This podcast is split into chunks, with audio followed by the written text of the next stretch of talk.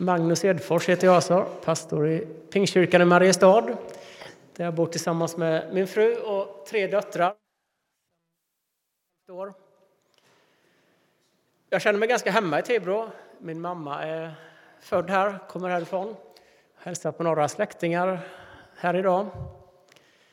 Eh, på somrarna brukar vi vara en del i Fagersanna där min morbror har en sommarstuga. Men de bor i Australien så de har lite långt att åka dit för att sköta om dem. Så vi ser till den lite. Jag har varit här och prickat en gång för 15 år sedan ungefär. Men ni ser ut att ha hämtat er sedan dess.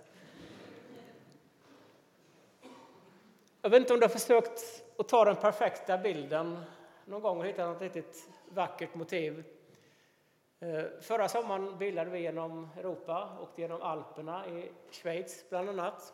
Och då åkte vi en bit längs en väldigt vacker sjö. Det var liksom turkost vatten och höga bergstoppar, snöklädda berg vid sidan av. Så min dotter som satt på höger sida, vår äldsta dotter Tilda, hon skulle försöka fånga det där motivet. Men det var lite svårt, för det var lite träd i vägen och staket och annat som skymde. Men plötsligt så kom det en öppning där hon kunde ta det perfekta kortet. Så det gjorde hon, hon tryckte av. Men när hon tittar på mobilen sen så ser hon bara ryggen på en cyklist som dök upp från ingenstans. Och det är väl ganska typiskt cyklister, de tror att de äger vägen och behöver inte ta hänsyn till någon, varken gångare eller bilister eller fotografer. Så de är likadana i Schweiz. Eh, om vi tittar på nästa bild där. Så har vi några som också har tänkt sig att ta det perfekta bröllopskortet. Någonting att hänga i sovrummet där hemma. Ett vackert, glatt brudpar som firar sin dag. Eh, men det blir inte riktigt som de hade tänkt sig. Därför att det enda man ser på den bilden det är ju inte hur vacker bruden är, utan det är ju mannen i bakgrunden som hoppar där. Det skulle ju funka att ha det uppsatt hemma om man skriver tro, hopp och kärlek under kanske. Men nu är det så att sådana här bilder går ju oftast att reparera. Det går ju att retuschera bort den där mannen i bakgrunden. Man kan göra ganska mycket för att ändå få det perfekta kortet. Men jag tror vi kan bära på andra bilder ibland som kan vara lite svårare att rätta till och bilder som ibland kan hindra och begränsa även när det gäller tron. Eh, ta till exempel bilden av Gud. Det finns en del som har en bild av Gud som väldigt hård, dömande och sträng. Och det blir en bild som lite grann står i vägen om man då får höra talas om, om Guds kärlek och hans nåd. Den bilden man redan har gör att det kan vara svårt att ta till sig någonting annat, för man har en bestämd bild av hur Gud är. Då tror väl det är så att för många som har vuxit upp i kyrkan så har man inte alls den bilden av Gud, utan man har en bild av Gud som är väldigt varm, kärleksfull. Man har fått höra i söndagsskolan om Jesus som går och bär på det lilla lammet. Och man har en bild av Gud som väldigt snäll, väldigt vänlig, god. Gud är kärlek. Och det är en väldigt sann bild och väldigt vacker bild. Men även den bilden kan ibland krocka. Idag till exempel är det ju domsöndagen.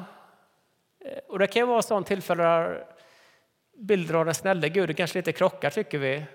Därför att kan Gud som är snäll och kärlek passa ihop med dom?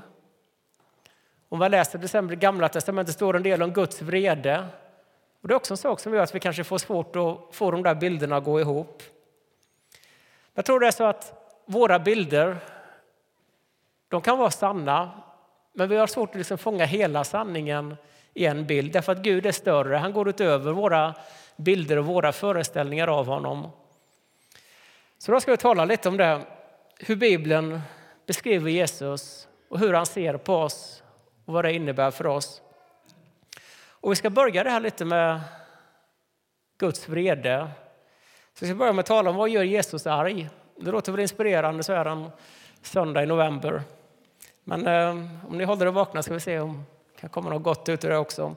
Så vi börjar läsa från Markus, det tredje kapitlet, vers 1-6. En annan gång gick Jesus in i en synagoga och där fanns en man som hade en förtvinad hand. Spänt iakttog de Jesus för att se om han skulle bota honom på sabbaten. De ville få något att anklaga honom för. Han sa till mannen med den förtvinade handen, stig fram. Sedan frågade han dem, är det på sabbaten mera tillåtet att göra gott än att göra ont, att rädda liv än att döda. Men de teg. Då såg han sig omkring med vrede, bedrövad över att deras hjärtan var så förstockade. Och till mannen sa han, räck ut din hand. Han räckte ut handen och den var nu frisk. Men fariseerna gick ut och började genast överlägga med herodianerna om att röja honom ur vägen. Den här texten är liksom kulmen på Jesus bråk med fariseerna. Lite tidigare, om man läser det som hände innan det här, så har Jesus valt ut Levi, tullmannen Levi, en landsförrädare, en riktig skitstövel, till att vara lärjunge. Han har haft en fest och ätit hemma hos honom. Det upprörde fariseerna. Hur kan Jesus, om han nu är en, en stor rabbi, hur kan han hänga med en sån kille? Det vet ju alla vem han är. Sen har fariseerna också lyckats se lärjungarna när de gick förbi en åker och åt ax på sabbaten. Det var också emot fariseernas bild av hur en god jude skulle uppträda. Man skulle inte göra något sånt, för det räknas som fysiskt arbete. Det fick man inte göra på sabbaten. Och det här, den här händelsen i synagogan blir liksom droppen. Så i slutet av texten står att nu bestämde sig fariséerna att det vore dags att göra något åt det här. Så det står att de började överlägga med kung Herodes Eh, anhängare för att göra sig av med Jesus. Hur är det då med Jesus? Bryr han sig inte om lagen? Bryr han sig inte om att det var sabbat? Nej, det står inte så om Jesus. Han säger själv att han har inte kommit för att utplåna och radera lagen utan har kommit för att fullborda lagen. Så Jesus är inte alls mot lagen. Men Jesus vet vad som var lagens syfte. Han vet att lagen var egentligen till för att göra människor fria, inte för att binda dem, inte för att göra livet mer besvärligt och sätta dit människor. Utan lagen var för att göra människor fria och visa ett sätt att leva på som leder till frihet. Så var det med sabbatslagen också. Den var ju till för att ge människorna en vilodag och ge utrymme för frihet i livet, inte tvärtom.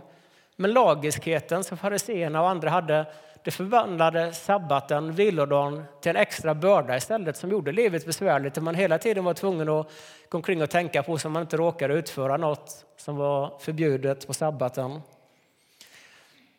Och när man läser om Jesus evangelierna så finns det ingenting som upprör honom så mycket som just lagiskhet. Därför att Jesus såg det för vad det var. Det var något som hindrade människor från Guds rike och från den befrielse som Jesus hade kommit för att ge oss alla.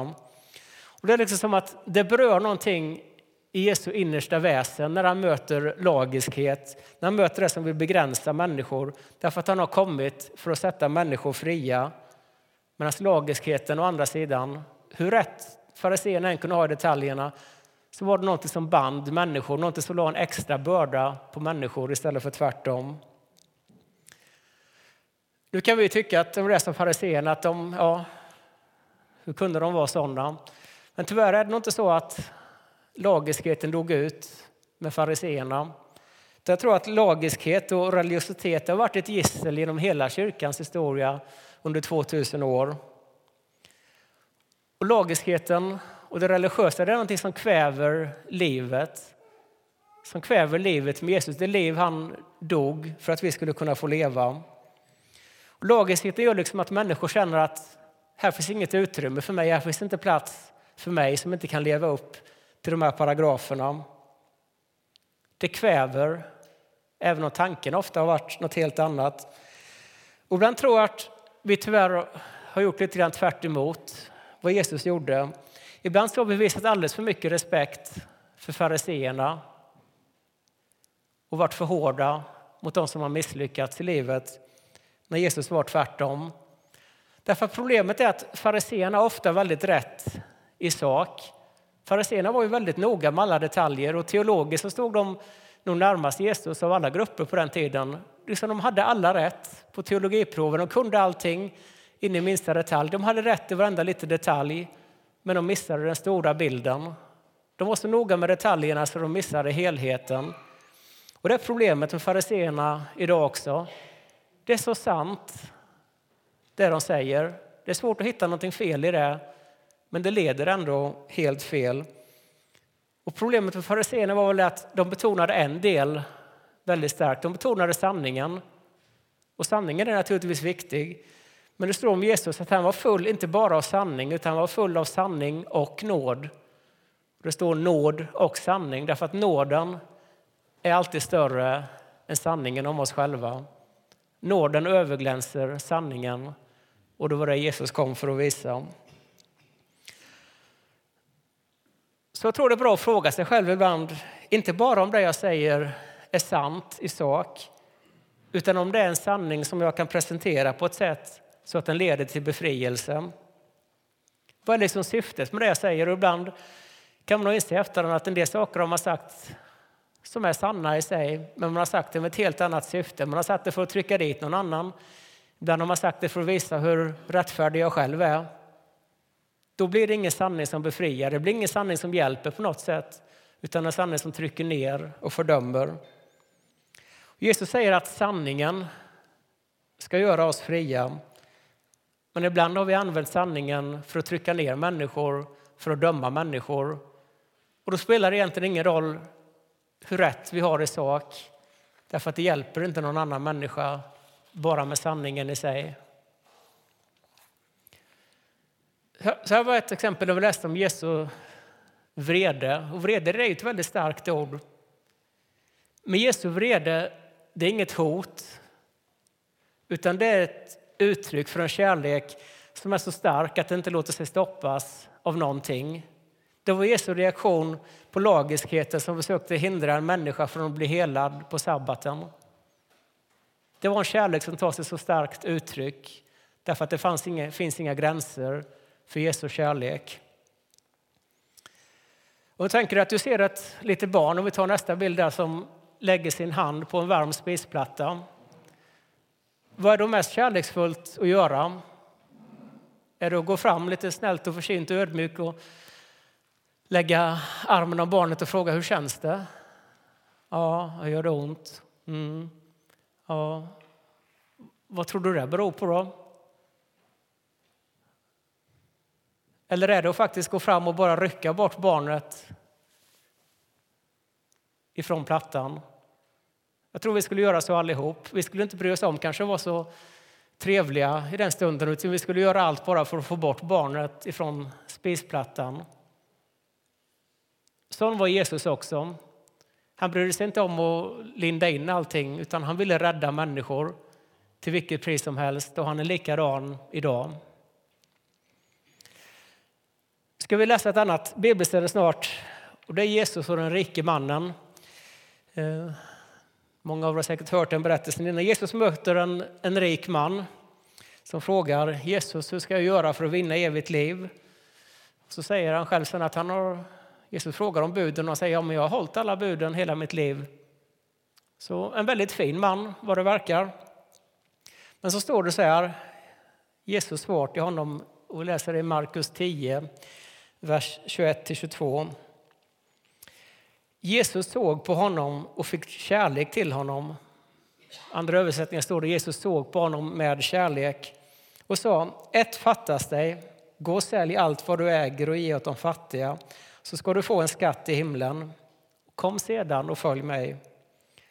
Vid de orden blev mannen, mycket, blev mannen illa till mods och gick bedrövad sin väg för han ägde mycket. Jag tror ofta när vi läser den här texten så tänker vi att Jesus är väldigt hård mot den här stackars mannen. Och man kan lätt få för sig att Jesus säger det här för att han är lite kaxig den här killen och säger att han har minsann hållit alla bud. Och då tänker Jesus att nu ska minsann sätta dit honom. Nu ska liksom trycka till honom så han vet sin plats.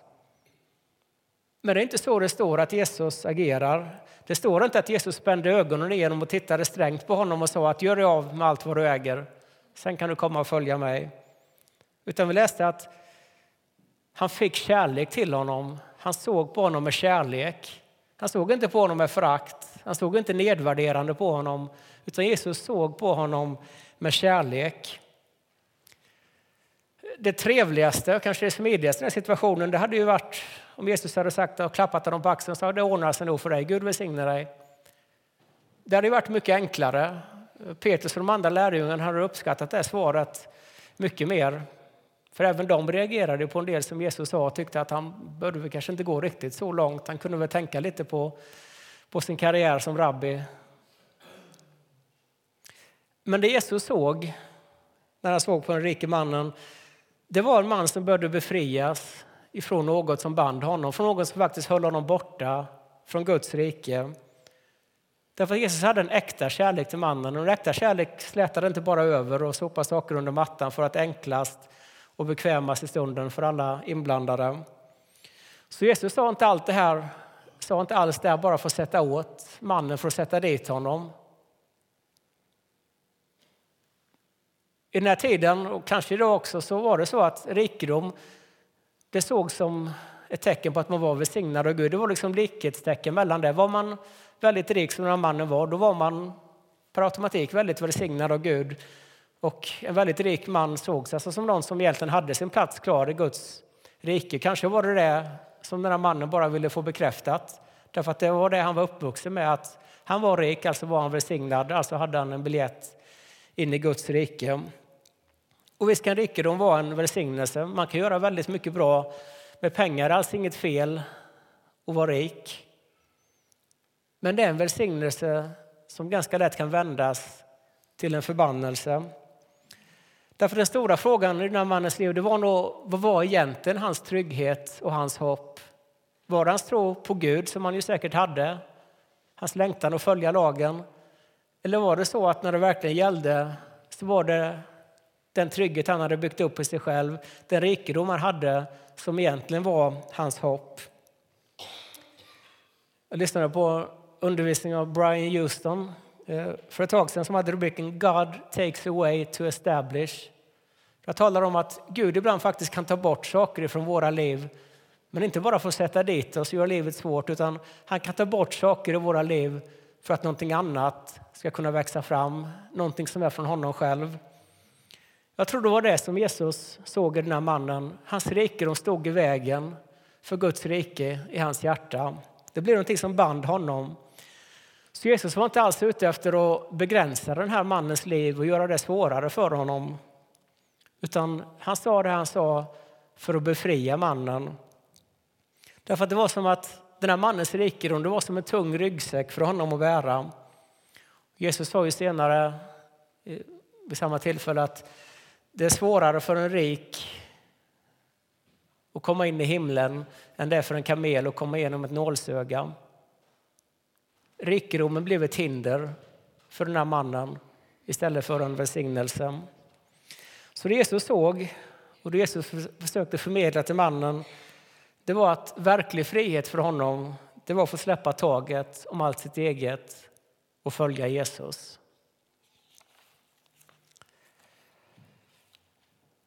ska vi till läsa från Markus igen, från det första kapitlet, vers 40-41. Det att en spetälsk kom till honom och föll på knä och bad. Vill du, så kan du göra mig ren. Jesus greps av vrede, sträckte ut handen och tog på honom och sa, jag vill bli ren. Eh, när versen översätts lite olika, här står det att Jesus greps av vrede. En del andra texter står det att Jesus greps av förbarmande. Det låter ju lite mer behagligt. Men kanske är det så att vreden och förbarman i det här fallet, det var två sidor av samma mynt. Men varför blir Jesus arg här då? Det kommer en stackars spetälsk man och det står att Jesus greps av vrede. Det var väl inte den Jesus vi mötte i, i söndagsskolan riktigt. Det stod, men det står inte att Jesus blev arg på mannen. Det var inte där mot honom han riktade sin vrede. Utan det Jesus upprörs över, upprörs över idag, det är allting som binder människor. Det är syndens konsekvenser i våra liv. Och ytterst sett är det naturligtvis så att Gud skapar en värld utan sjukdom. Så ytterst sett så har även sjukdom sitt ursprung i synden. Sjukdomen är från början inte Guds vilja. Sen lever vi i en värld som är fallen där man inte kan sätta likhetstecken mellan synd och sjukdom alls.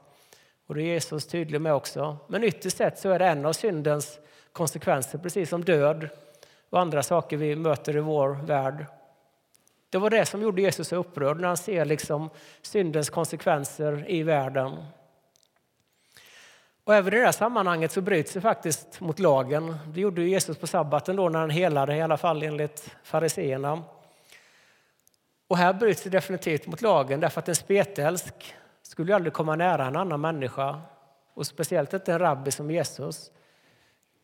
Men här går den spetälske fram till Jesus och faller på knä inför honom.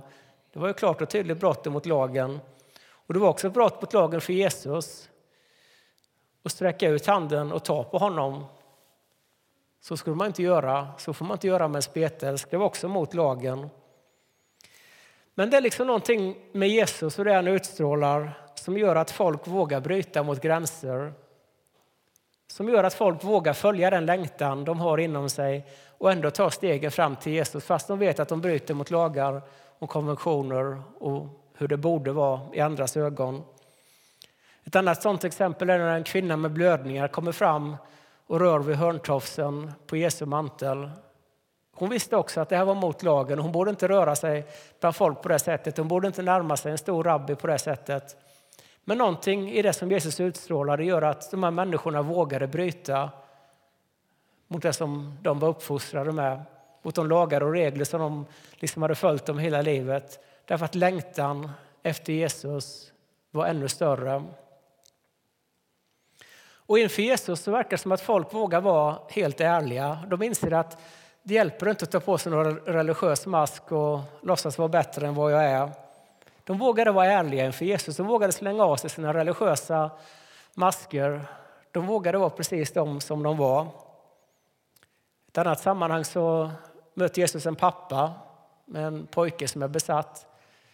De har ett samtal och det slutar med att pappan säger till Jesus, jag tror, hjälp min otro. Han var helt sann. Visst trodde han, visst hade han en längtan. Det var därför han kom till Jesus med pojken. Men samtidigt så visste han kanske inte riktigt hur mycket han vågade hoppas på. Så han var ärlig. Han sa, visst jag tror, men hjälp min otro. För han visste att han trodde väl kanske inte riktigt till hundra procent. Men inför Jesus vågade han säga precis som det var. Han insåg att det är ingen idé att jag låtsas. Jag får komma precis som jag är och kasta mig framför Jesus. Och vi har en Gud som inte är oberörd inför oss. Jesus reagerar. Om han möter en spetälske så reagerar han till och med så starkt att han blir vred när han ser vad som har drabbat den här mannen. Han är inte oberörd, han sitter inte i himlen och bara med armarna i kors och förstrött blickar ner och tittar ner ibland för att se hur det går för oss. Utan han är på vår sida. Han berörs ända in i djupet när han ser mänskligt lidande. Det gjorde han för 2000 år sedan och han är likadan idag också. Så Jesus han låter sig beröras på djupet av sjukdom, av människors utanförskap, av allting som binder människor och vill hålla människor borta från Guds rike.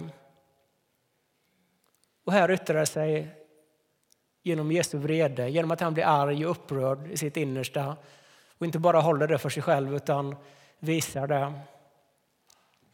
Men det är också det som är vårt stora hopp. Att vår Gud är inte känslokall, han är inte hård eller frånvarande. Han är inte en Gud som liksom bara ser oss som små, i sig ganska betydelselösa pusselbitar i något mycket större. Utan han är en Gud som är på din sida.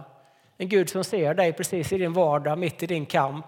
Du är liksom inte bara en av miljarder människor för honom, utan du är hans älskade barn. Det var så han såg på den spetälske som kastade sig framför honom. Och det är så faktiskt han ser på oss var och en den här söndagen också och alla dagar.